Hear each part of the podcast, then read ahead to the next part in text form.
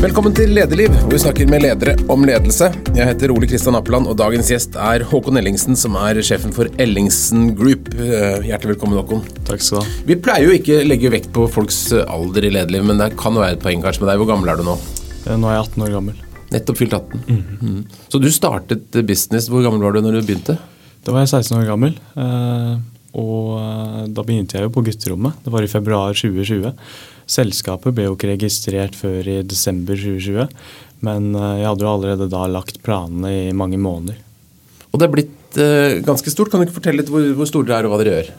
Det vi gjør nå, er at vi har en tosidig bedrift. Vi gjør utviklingsarbeid og designarbeid for andre bedrifter. Men vi utvikler også våre egne plattformer og løsninger. Nå lanserte vi nylig en eh, plattform som heter Bloomful, som jeg tenker vi kommer inn på litt seinere. Så dette er internett alt dette handler om? Det er internettet det handler om. Og vi har eh, mobilisert i det vi mener er de beste utviklerne og designerne over hele verden. Så hvor mange mennesker er med i Ellingsen-gruppen? nå? Eh, nå er vi 80. 80 mennesker. 80 mennesker. Men bare det å starte firma når du ikke var 18 år engang, du ikke, du må registrere pappas navn eller sånn da? Ja, jeg brukte jo eh, mammas eh, navn, så det var mamma som sto som eier. Og det gjør hun jo teknisk sett nå i dag også. Og hva, hva var det som gjorde at du fikk lyst til å starte bedrift? Nei, Det har vel vært eh, engasjementet mitt for eh, det jeg liker å kalle humanistisk kapitalisme. Av å skape løsninger som eh, andre kan bruke og benytte seg av og få en gode av. Jeg har jo helt siden jeg var tolv år utviklet egne plattformer. Jeg begynte jo kanskje med noe som ikke var så humanistisk i begynnelsen. Jeg Hva var det? lagde Hva var det? et, eh, Jeg lagde et spillkasino. Okay. Eh, Så det var et spill som het Counter-Strike. Og i det spillet så hadde man digitale gjenstander. Og de gjenstandene hadde jo da en verdi som, som markedet var villig til å betale.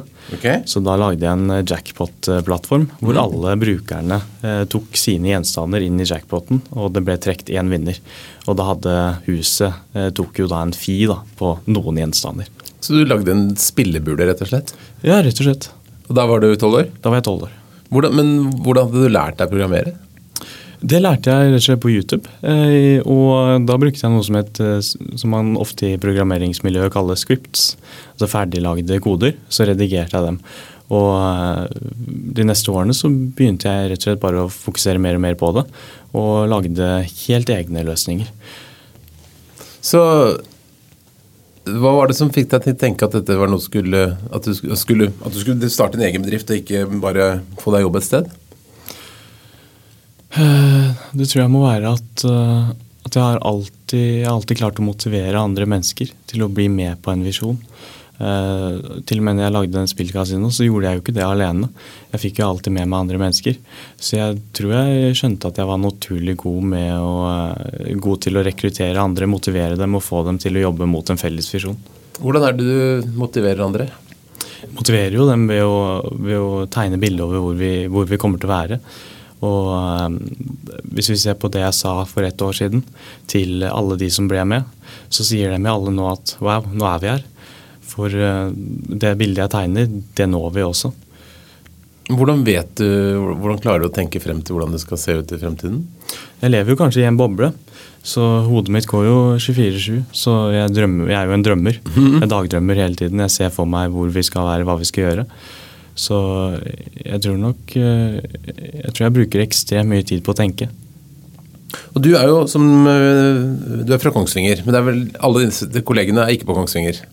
Nei, vi har jo eh, vi har faktisk kun én eh, ansatt i Kongsvinger.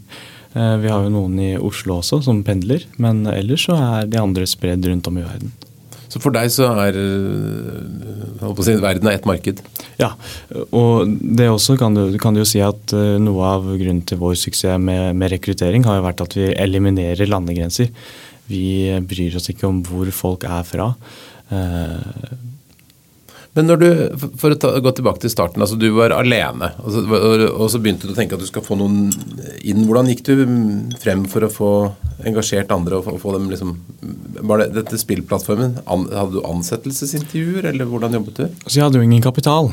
uh, Så det gikk jo egentlig på, på motivasjon av at uh, dette her er min idé, og du kan få være med hvis, hvis du bidrar.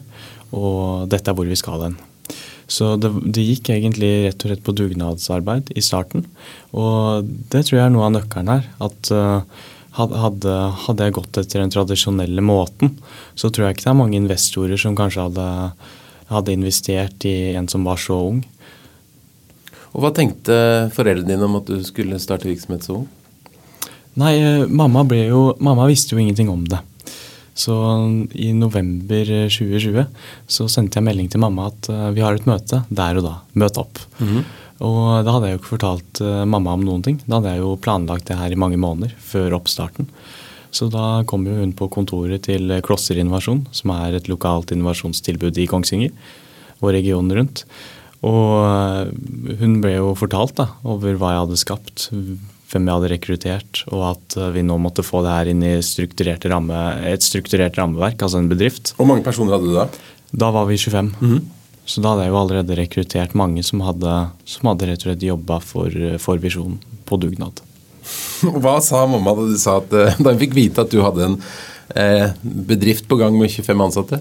Ja, men hun sa vel eh, Hun sa Jeg tror hun sa at jeg skjønte at det var noe. Eh, for hun hadde jo skjønt at jeg, at jeg, drev med noe. For jeg var jo egentlig litt i min egen verden, litt i min egen boble. Eh, så hun hadde jo skjønt at det var noe, men hun hadde ikke sett for seg at, eh, at, det, var, at det hadde blitt så stort. Så Fra utsiden så, så virker kanskje det du har drevet med som vanlig sånn gutteromsgaming?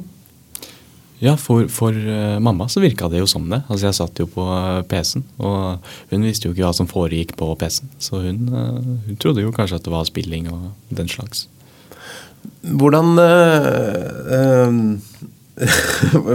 Fortell deg når du begynte å strukturere det med, for nå tenker jeg kanskje folk begynner etter hvert å få litt lønn og, og, mm. sånne ting?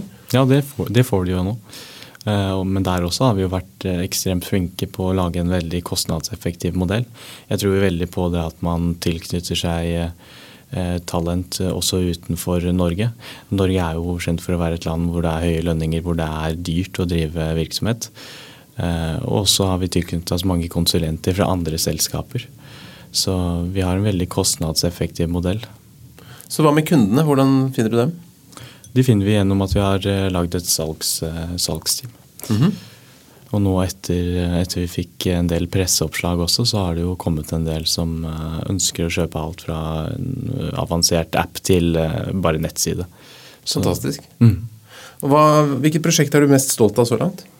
Det prosjektet jeg er mest stolt av så langt, det er absolutt Bloomful. Ja, Da må vi snakke litt om det. Da må vi snakke om For Bloomful, Bloomful er en app som er lansert i disse dager. Mm.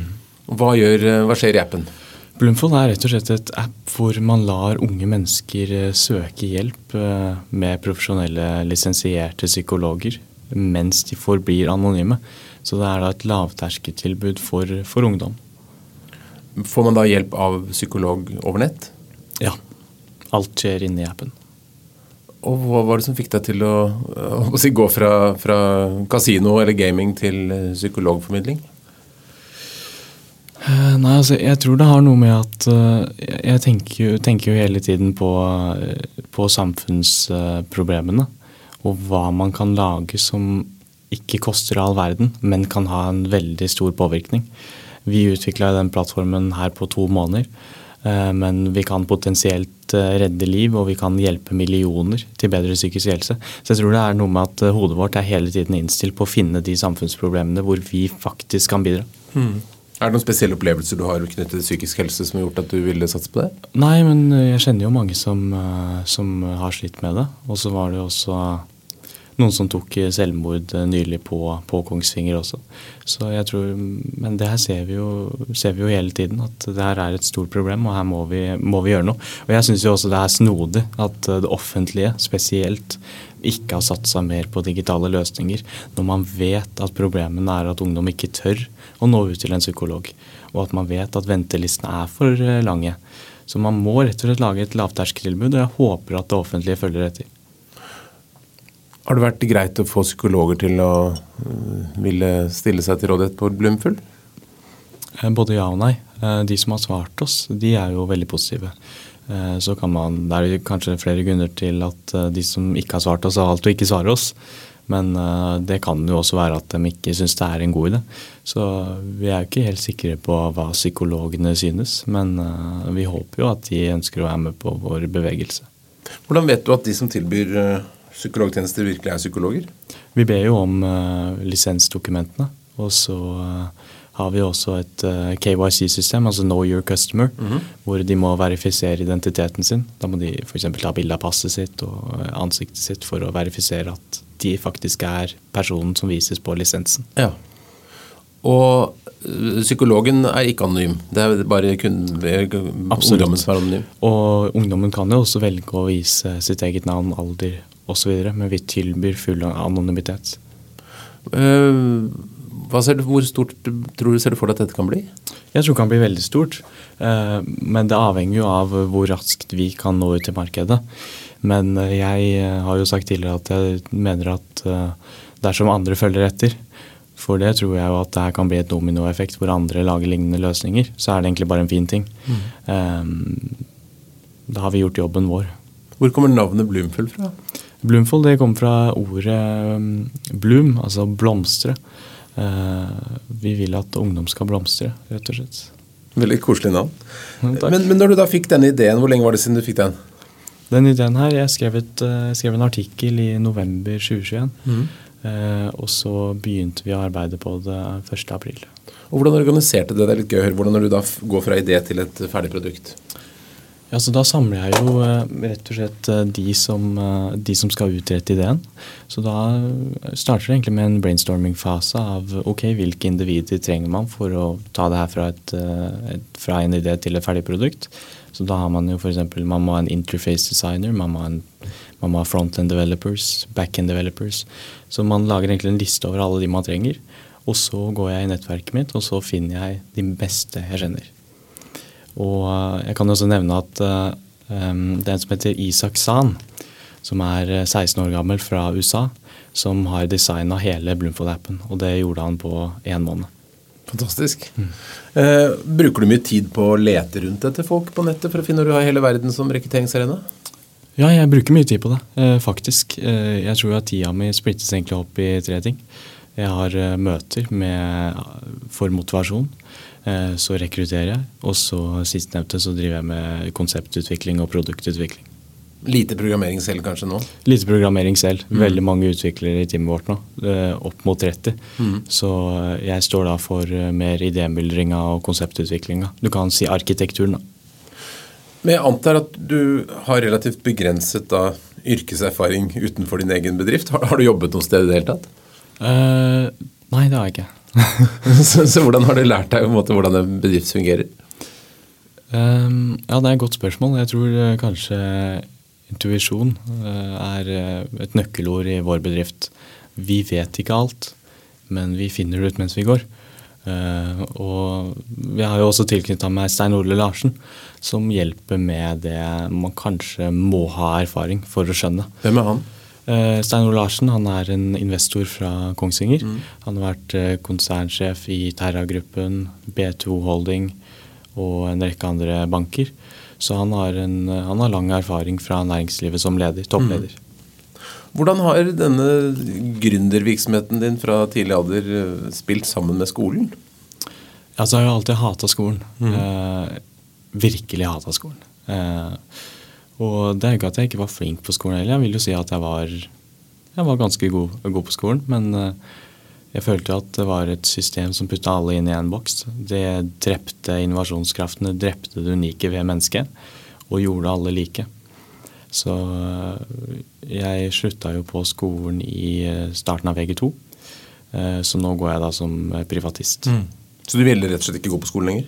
Nei, absolutt ikke.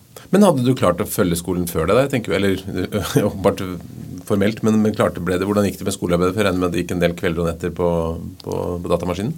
Ja, det gikk, det gikk ganske bra, altså. I- På ungdomsskolen og på VG1. Og, det gikk ganske greit. Går, så nå, men, nå, men nå har du kommet til at du likevel vil ta eksamen, da? Ja, som privatist. eh, Det er jo egentlig litt for å gladgjøre mamma også. Men ser du for deg at du skal studere? Altså, eh, det å studere ser jeg jo litt på annerledes enn vanlig skolegang. For da velger man jo selv. Så det kan jo godt hende, det. Det jo, du, du sier at du har eh, mange ansatte og mye aktivitet. Er det, er det også slik at det begynner å bli ok inntekter av det dere driver med? Ja, Vi har jo begynt å, begynt å, selge til eh, kunder. Vi gikk jo med et underskudd selvfølgelig i fjor, under oppbyggingsfasen. Men, men i år så kommer vi mest trolig til å gå med overskudd. Mm. Så bra. Men du, du, rekrutterer jo mennesker som er attraktive og som sikkert kunne få jobb veldig mange steder. Hvorfor tror du at de velger å jobbe akkurat hos deg? Ja, Det er jo noe som går igjen også. Det at Folk sier jo at de tar et kutt i lønn mm. for å kunne jobbe her. Mm. Men eh, de tror på visjonen. Eh, de tror veldig på visjonen. Mm. og, og, tror at Og stoler på at dersom de bidrar nå, så vil det også gagne dem i fremtiden. Og, og Hva er visjonen? Hva er det du sier til dem at de skal være med på? Altså vi, Visjonen for Ellingsen Technologies den er jo ganske godt utformet allerede. Og det er jo at vi vil eh, gjenskape internett. Mm. Vi vil gi internettet til folket. Mm. Vi vil lage løsninger som løser reelle problemer istedenfor fabrikkerte problemer. Eh, mental helse er jo et av, en av problemene vi løser nå med Bloomful. Mm. Og vi vil desentralisere internettet. Hva mener du med det å gjenskape og desentralisere internett? Det å desentralisere internett betyr at man tar kontroll eh, vekk fra bedriften og gir det til uh, brukerne, til samholdet. Bitcoin er f.eks. et veldig godt eksempel på mm. noe som er desentralisert. Det er kontrollert av folket. Så um, da vil det bli Da vil egentlig alle plattformene bli administrert av brukerne, ikke av oss. Og hva er det som har fått deg til å brenne for akkurat dette? Ja, jeg er jo veldig i opposisjon mot uh, tyranni. Mm.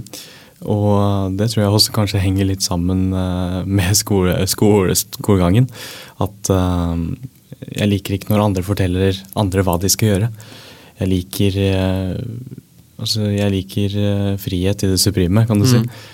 Så det å desentralisere og gi folk frihet, det ser jeg på som et stort mål. Og det er et problem på internett i dag? Ja, det mener jeg jo absolutt. Uh, Google og de andre tech-gigantene de har jo mer kontroll enn vi tror. Og et godt eksempel av det var jo en app som heter Parler. Uh, som skulle være en sensorship-free plattform. Mm. De lanserte på både AppStore og på Google Play.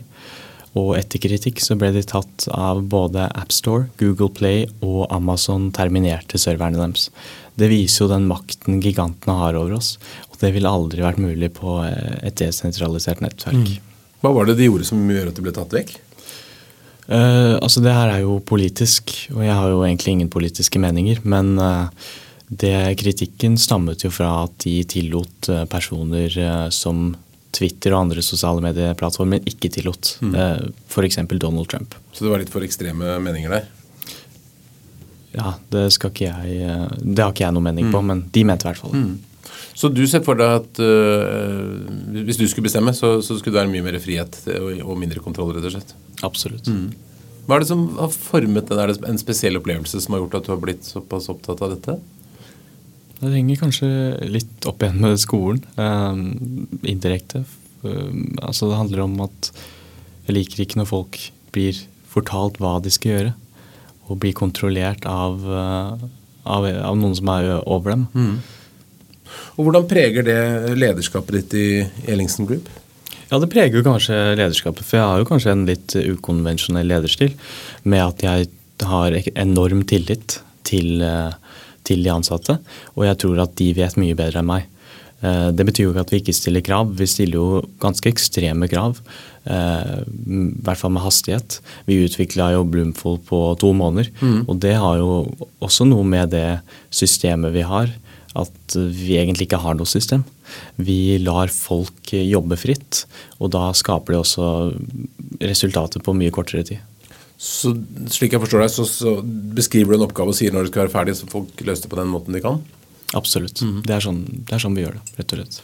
Ja, men Det må være et slags dilemma for deg, du som ikke, ikke, liker så mye kontroll og styring. Men når du er sjef i et, ethvert stort selskap, så må det bli noen elementer av kontroll og styring? Ja, absolutt. Altså, jeg tror ikke på at uh, man kan ha en struktur uten en sjef, egentlig. Men uh, det handler om uh, om den makten man har, blir brukt for det beste for folket. Og det mener jeg at noen av tech-gigantene ikke gjør. da. Mm. Du ser ikke for deg å bli en tech-gigant? Ja, absolutt. Det hadde, jo vært, det hadde vært en fin, fin ting å bli en tech-gigant og vise vei for, bane vei for en ny måte å tenke på. Mm. En mer etisk måte å tenke på. Hva burde de store selskapene gjort, altså sånn som Google som du nevnte? Altså, Først og fremst er jeg jo mot eh, censorship.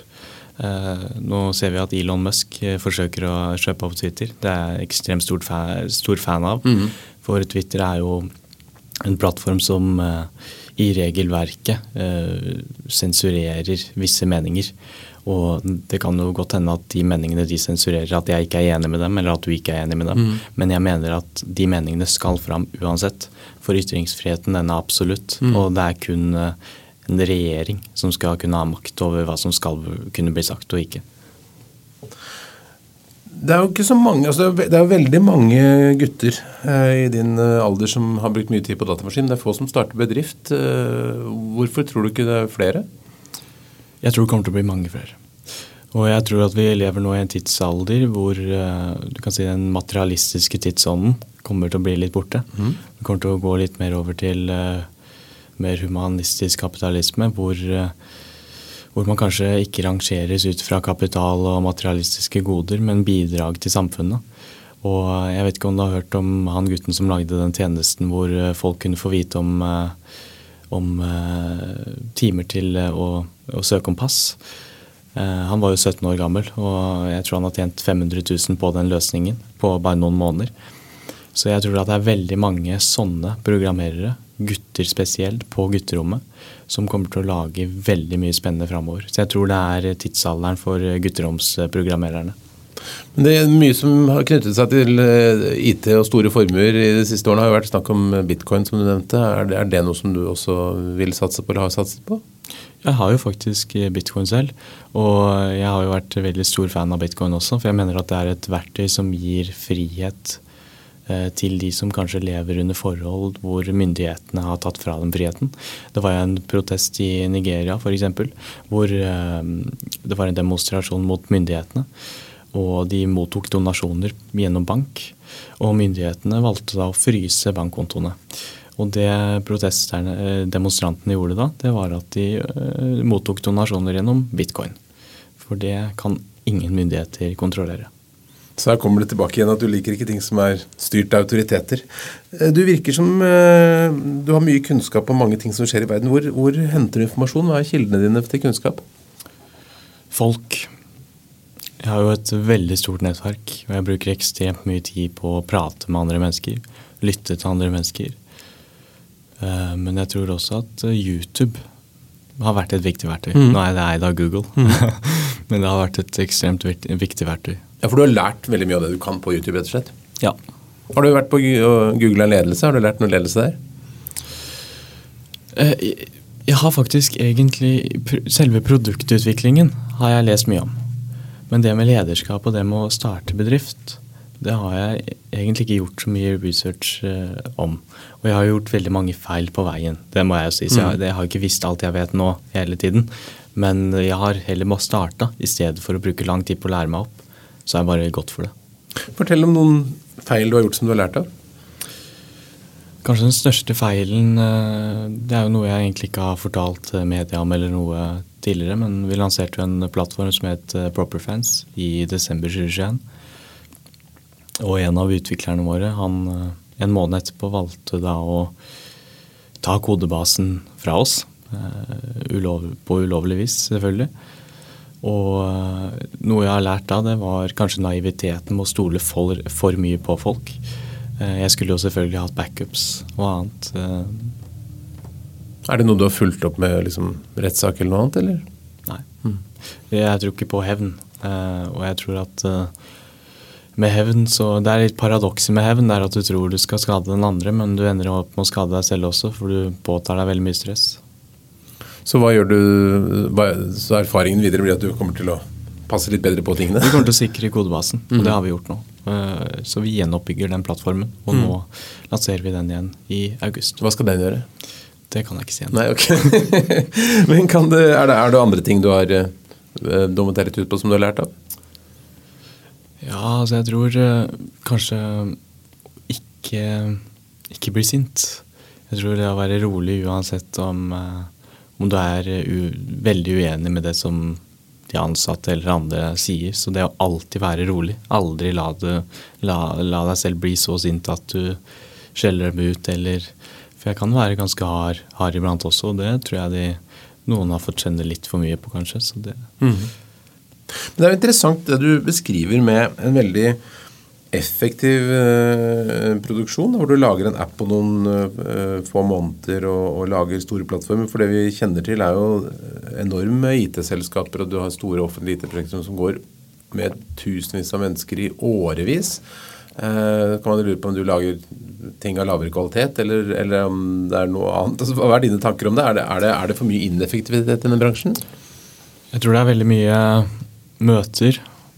Veldig mye snakk. Skal vi gjøre det sånn, skal vi gjøre det sånn? Så er det mange markedsundersøkelser. Eh, veldig store team. Alle skal eh, få snakke før noe blir gjort. Jeg liker små team hvor eh, det teamet samles og blir enige om hva som skal bli gjort. Så kan vi heller gjøre feil og rette opp i de. Men vi skal ikke gjøre det perfekt første gangen, vi skal heller være først. Så det å liksom få det ut, og så se hva som virker? Absolutt. Eh, hvordan gikk det med, med- gamblingen, plattformen? Det er et stykke vei derfra til, til eh, Bloomfull. Var- La du den vekk, eller kjører du parallelt løp? Nei, altså Jeg er jo helt imot eh, kasinovirksomhet nå. Ja. Jeg var jo tolv år, og det var et spillkasino også. Det var ikke regulert heller. Men eh, den solgte jeg jo for 10 000 dollar eh, i bitcoin. Å ja, så det er de så, det, det er lenge siden. så det er det som vokser nå? Ja, Spennende. Så det har kanskje vært en god investering, med andre? Ja, eh, nå var jo faktisk bitcoin relativt høyt da, på det momentet jeg faktisk fikk den betalingen. Men eh, Hvor gammel var du da? eh, 13 år. 14, 14, 13-14 år. Stor businessmann i tidlig alder. Ja. Men du sa moren din visste lite, og hun fikk vite det da eh, når, du allerede har fått en ganske stor virksomhet. Hvordan har hun involvert, seg, og hva hun betydd for deg etter det? Veldig mye. Absolutt. Eh, og jeg tror jo at eh, ja, mamma er kanskje den viktigste personen i virksomheten. Og det er rett og slett for at hun ga meg muligheten til å gå all in. Jeg ringte jo mamma i to måneder etter jeg hadde begynt på VG2. Og så sa jeg til mamma at nei, du, det gidder jeg ikke lenger. Det gidder jeg ikke lenger. Jeg kjører privatist. Jeg har akkurat snakka med, snakket med en fyr, han sier jeg kan kjøre privatist, få samme vitnemålet. Mamma sa egentlig bare at ja, men da kjører vi på. Så det er bra å ha en mor som backer. Hun backer. Men blander hun seg noe inn i måten du driver butikken på? Uh, ja, uh, og det gjør du. Uh, og vi er veldig uenige på veldig mye. Spesielt eh, ja, hvordan man skal lede andre. Eh, hun har kanskje litt mer den rolige måten hvor man tar det, tar det rolig, skriver dokumenter og Jeg liker egentlig mer det å få bare folk inn i en samtale, kjøre på. eh, få sagt visjonen til dem.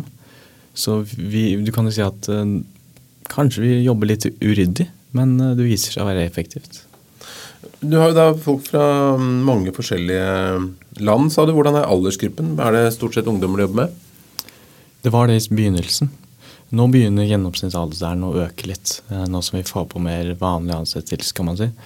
Eh, Men vi har, vi har en del unge også. Men jeg tror jeg ikke lyver om jeg sier at gjennomsnittsalderen er 23 år. Og kjønnsfordelingen? Kjønnsfordelingen er jo skjev, eh, absolutt. Men eh, det er jo 2% av alle ingeniører er jo eh, kvinnelige. Så det er jo også litt eh, naturlig. Når vi får 100 søknader, så kanskje det er to fra eh, kvinner. Så, Men vi har faktisk en eh, del eh, kvinnelige utviklere. Jeg tror vi har tre stykk. Og eh, det er jo De er like flinke, de. Så det har absolutt ingenting med det å gjøre, men du får mye flere søknader fra menn. Og da blir det naturlig at du ansetter flere menn også. Er det noe mål for deg å prøve å løfte opp flere kvinner? Ja, altså det absolutt. Men eh, det er jo også det å kunne finne, finne nok av de, da. Eh, da må man eh, kanskje søke, søke mer spesifikt. For vi får ikke mange kvinnelige søknader, altså. Hvordan opplever du eh, det å være norsk når du er ute i et internasjonalt marked? Har det noe å si? Eller er det, er det liksom grenseløst, dette programmeringsmarkedet? Jeg tror, eh, jeg tror det eneste som blir påvirka av at jeg er norsk, det er at eh, folk tror at vi har mye mer kapital enn vi har. For de tenker på Norge som et veldig rikt land. ikke sant? Så veldig mye investorpenger osv. Så, videre. så det er kanskje det første løgnen man møter på, da, eller eh, mistolkninga. Eh, det at vi har veldig mye kapital, for det har vi jo ikke. Er det en fordel eller ulempe? Eh, altså det er kanskje en ulempe. For uh, de tror kanskje at lønningsnivået vi er vi, Mulig at vi kan gi dem, er høyere enn det vi egentlig kan. Mm. Så det kommer jo kanskje som et litt sjokk når vi formidler hva vi kan gi dem. Men det har jo ikke vært noe stort problem, det. Men hvis det er noe, så er det kanskje en ulempe. Mm. Når du begynner å få såpass stor virksomhet, med, da begynner det å bli litt alvor med papirer og regnskap og skatt og årsrapporter og sånne ting. Hva, hvordan løser du det? Vi er jo partner med DeWitt, så vi bruker DeWitt som regnskapsfører. Mm. Så har vi jo nylig nå ansatt en CFO. Så du vil ha orden i sakene? Ja. Og det har vel kanskje vært eh, et av de andre problemene. Der har jeg kanskje ikke så veldig mye kunnskap. Jeg har ikke mye kunnskap. Enkelt og greit. Nei, men det er, det er, en god ting å, å uh, alliere seg med noen. Hva er det, du, er det du, du, sier du tenker uh, mye. Hva er det du grubler mest på når det gjelder utvikling av bedriften? Hva er det du syns er vanskelig? Det jeg syns er vanskelig, er kanskje å holde et personlig forhold med alle når det begynner å bli så mange. Mm. For alle føler jo en uh, sterk tilknytning til meg, men å få tid til å faktisk snakke med alle kan bli ganske vanskelig. Det har begynt å bli ganske vanskelig. Det er jo 80 stykk som uh, Så jeg får ikke tid til å snakke med alle hele tiden. Så det er kanskje den største utfordringa. Mm. Men uh, nå har vi jo begynt å sette inn veldig sterke ledere i alle ulike avdelinger. Så det begynner å løses mer og mer. Men fortsatt så får jeg veldig mange henvendelser fra de på teamet som jeg må sende videre. Mm. Og det kan jo virke skuffende for de da. Så hvordan du skal løse veksten videre? Ser du for deg at dere skal bli veldig store? Det er jo et godt spørsmål. Jeg ser for oss at vi skal bli veldig store, men jeg ser for oss at vi skal bli store med en relativt uh, lav uh, administrasjon selv. Mm. For jeg tror veldig på det å tilknytte oss uh, frilansere tilknytte oss konsulenter fra andre selskaper, minimere risikoen vi har. Uh, og rett og slett uh, spre risikoen på litt, på litt andre måter. Mm. Du nevnte at du har fått hjelp fra et sånt innovasjonsmiljø eh, i Kongsvinger. Eh, det finnes jo mange sånne miljøer rundt omkring i verden som skal, eller i Norge som skal hjelpe bedrifter å, komme opp. Fortell hvilken nytte hadde du da, og hvordan bør sånne virksomheter være for at det skal være nyttig for sånne som deg? Altså, De ga jo oss eh, kontorplass, først og fremst, så det var jo, eh, var en veldig big boost. Eh, de hjalp oss jo også med å søke til Innovasjon Norge, så de hjalp oss da med midler. Det fikk vi jo faktisk den måneden her fra Innovasjon Norge. Mm. Så de har jo hjulpet oss mye. Så vet jeg jo alltid at trenger jeg noe, så er de der. Tror du sånne, sånne funksjoner er viktig hvis vi skal klare å lykkes med å få opp flere virksomheter? Uh, ja, jeg tror, jeg tror, det er viktig at staten bidrar også, for det er et statlig eller kommunalt finansiert uh, selskap, Crosser Innovasjon. Mm. Men jeg tror også det er viktig at næringslivet bidrar mer også. For jeg tror at næringslivet er mer effektivt enn uh, det statlige og kommunale. Mm. Når du kommer og presenterer, du, du, sier du skal ha kunder etter hvert, har fått noen kunder, men du kommer og folk tenker at jøss, her har vi en, et stort selskap med en sjef som er 18 år, blir du tatt alvorlig? Ja, det, det, vil jeg si. Altså, jeg vet jo ikke hva som foregår oppi hodet til folk. Det kan hende at de tenker at nei, det her er bare tull, han er 18 år. Men uh, jeg føler i hvert fall selv at jeg har blitt uh, tatt seriøst. Det er jo, jeg syns det er veldig imponerende det du har klart å få til. Du sier at du har, vil løse samfunnsproblemer. Er det andre store problemer du ser som du har lyst til å gripe fatt i fremover? Det kommer. Ja, men Litt hemmelighetsfull der. Når koser du deg mest med jobben din? Det er vel når utviklerne og designerne presenterer resultatene. Når jeg ser at den tanken jeg hadde når jeg gikk og la meg, den er realitet dagen etterpå. Mm. For her skjer mye i ulike tidssoner? Ja, det gjør jo det. Absolutt. Så du kan gi en beskjed om kvelden og stå opp til en løsning? Det er faktisk sant. Så deilig. Mm. hvordan blir sommeren for, uh, for, deg og, gjengen din? Blir det noe sommerferie, eller er det fullt trøkk hele sommeren? Det kommer til å være fullt trøkk hele sommeren. Uh, nå kommer vi til å fokusere på å lansere flere plattformer, som jeg var inne på. minimum to plattformer til. Når vi allerede den sommeren er lansert én, så da vil vi være oppe i tre plattformer. Mm. Vi kommer også til å fokusere veldig mye på B2B-siden av bedriften. Vi kommer til å ekspandere litt tjenestene vi tilbyr. Få en mer For nå er vi jo litt under radaren. Få en litt mer digital presence, kan man si. Mm. Og komme litt mer ut på markedet, rett og slett. Ja, for det En ting er jo å, å, lage disse produktene, en annen ting er jo å få dem til å bruke det. Hvordan jobber du for, for å få folk til å bruke Blumfull? Jeg har jo akkurat inngått et samarbeid med en sosial medieinfluenser som heter Mikael Lien. Mm. Han er det jeg vil kalle et underholdningsgeni. Han er selv veldig stor på sosiale medier, men han har også fått til veldig mye for andre selskaper tidligere. Så han kommer til å lede markedsføringsinitiativene for mm. Blumfold. Kult. og hva er det som er, du tror blir de viktigste kanalene for å nå ut? Det blir sosiale medier gjennom influenserne. Mm. Mm. Uh, hvis du skulle gi noen råd til noen andre som skal gjøre den samme reisen som deg, altså noen, noen, gode lederråd til andre som har lyst til å lede sin egen lille startup, kan du gi oss tre gode råd?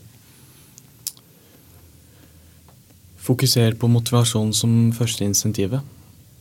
Ikke tro at dersom du ikke har kapital, at du ikke kan få det til.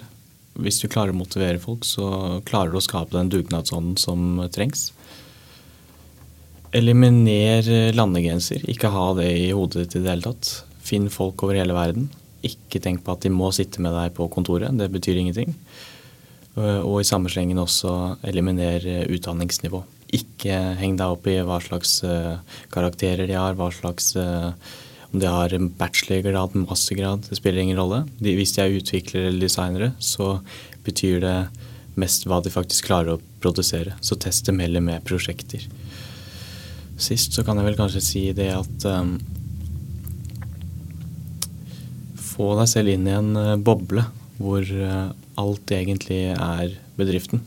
For jeg tror at uh, hvis du ikke har veldig mange rundt deg som støtter deg, eller veldig mye kapital, så må du finne de løsningene som kanskje ikke er De kan du kanskje ikke søke deg fram til. De må være unike, som du må tenke deg fram til. Og da må du kanskje være inne i en liten boble. Så dropp alt annet isoler hjernen din og tankesettet ditt mot målet ditt, og kjør på med det. Mm. Hvis vi inviterer deg tilbake hit om ti år, eh, Håkon, hvor er du da? Om ti år så håper jeg jo at eh, jeg har bidratt veldig mye til samfunnet. Eh, jeg tenker ikke på kapital eller Det spiller ingen rolle for meg. Det spiller veldig mye rolle for bedriften, selvfølgelig. For eh, et av målene våre nå det er jo å øke inntektene for å kunne produsere enda mer, som igjen vil hjelpe samfunnet. Men det er samfunnsbidrag som er mitt mål, og jeg tror at om ti år så Da garanterer jeg at eh, jeg skal ha gjort veldig mye for samfunnet. Og hvor mange ansatte har du da? Nei, Da har vi utviklingskontorer over hele verden. God ambisjon.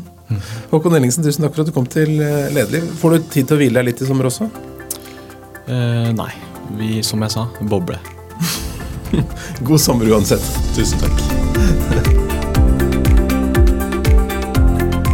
Lederliv er en podkast fra kommunikasjonsbyrået Apeland. Vi legger ut nye episoder hver eneste fredag. Redaksjonen består av Ingrid Hogneland, Lars Bolden, Lars Jarli Melum og meg, som heter Ole Kristian Apeland. Tusen takk for hyggelige tilbakemeldinger og tips om ledere. Bare fortsett å sende til oleatapeland.no.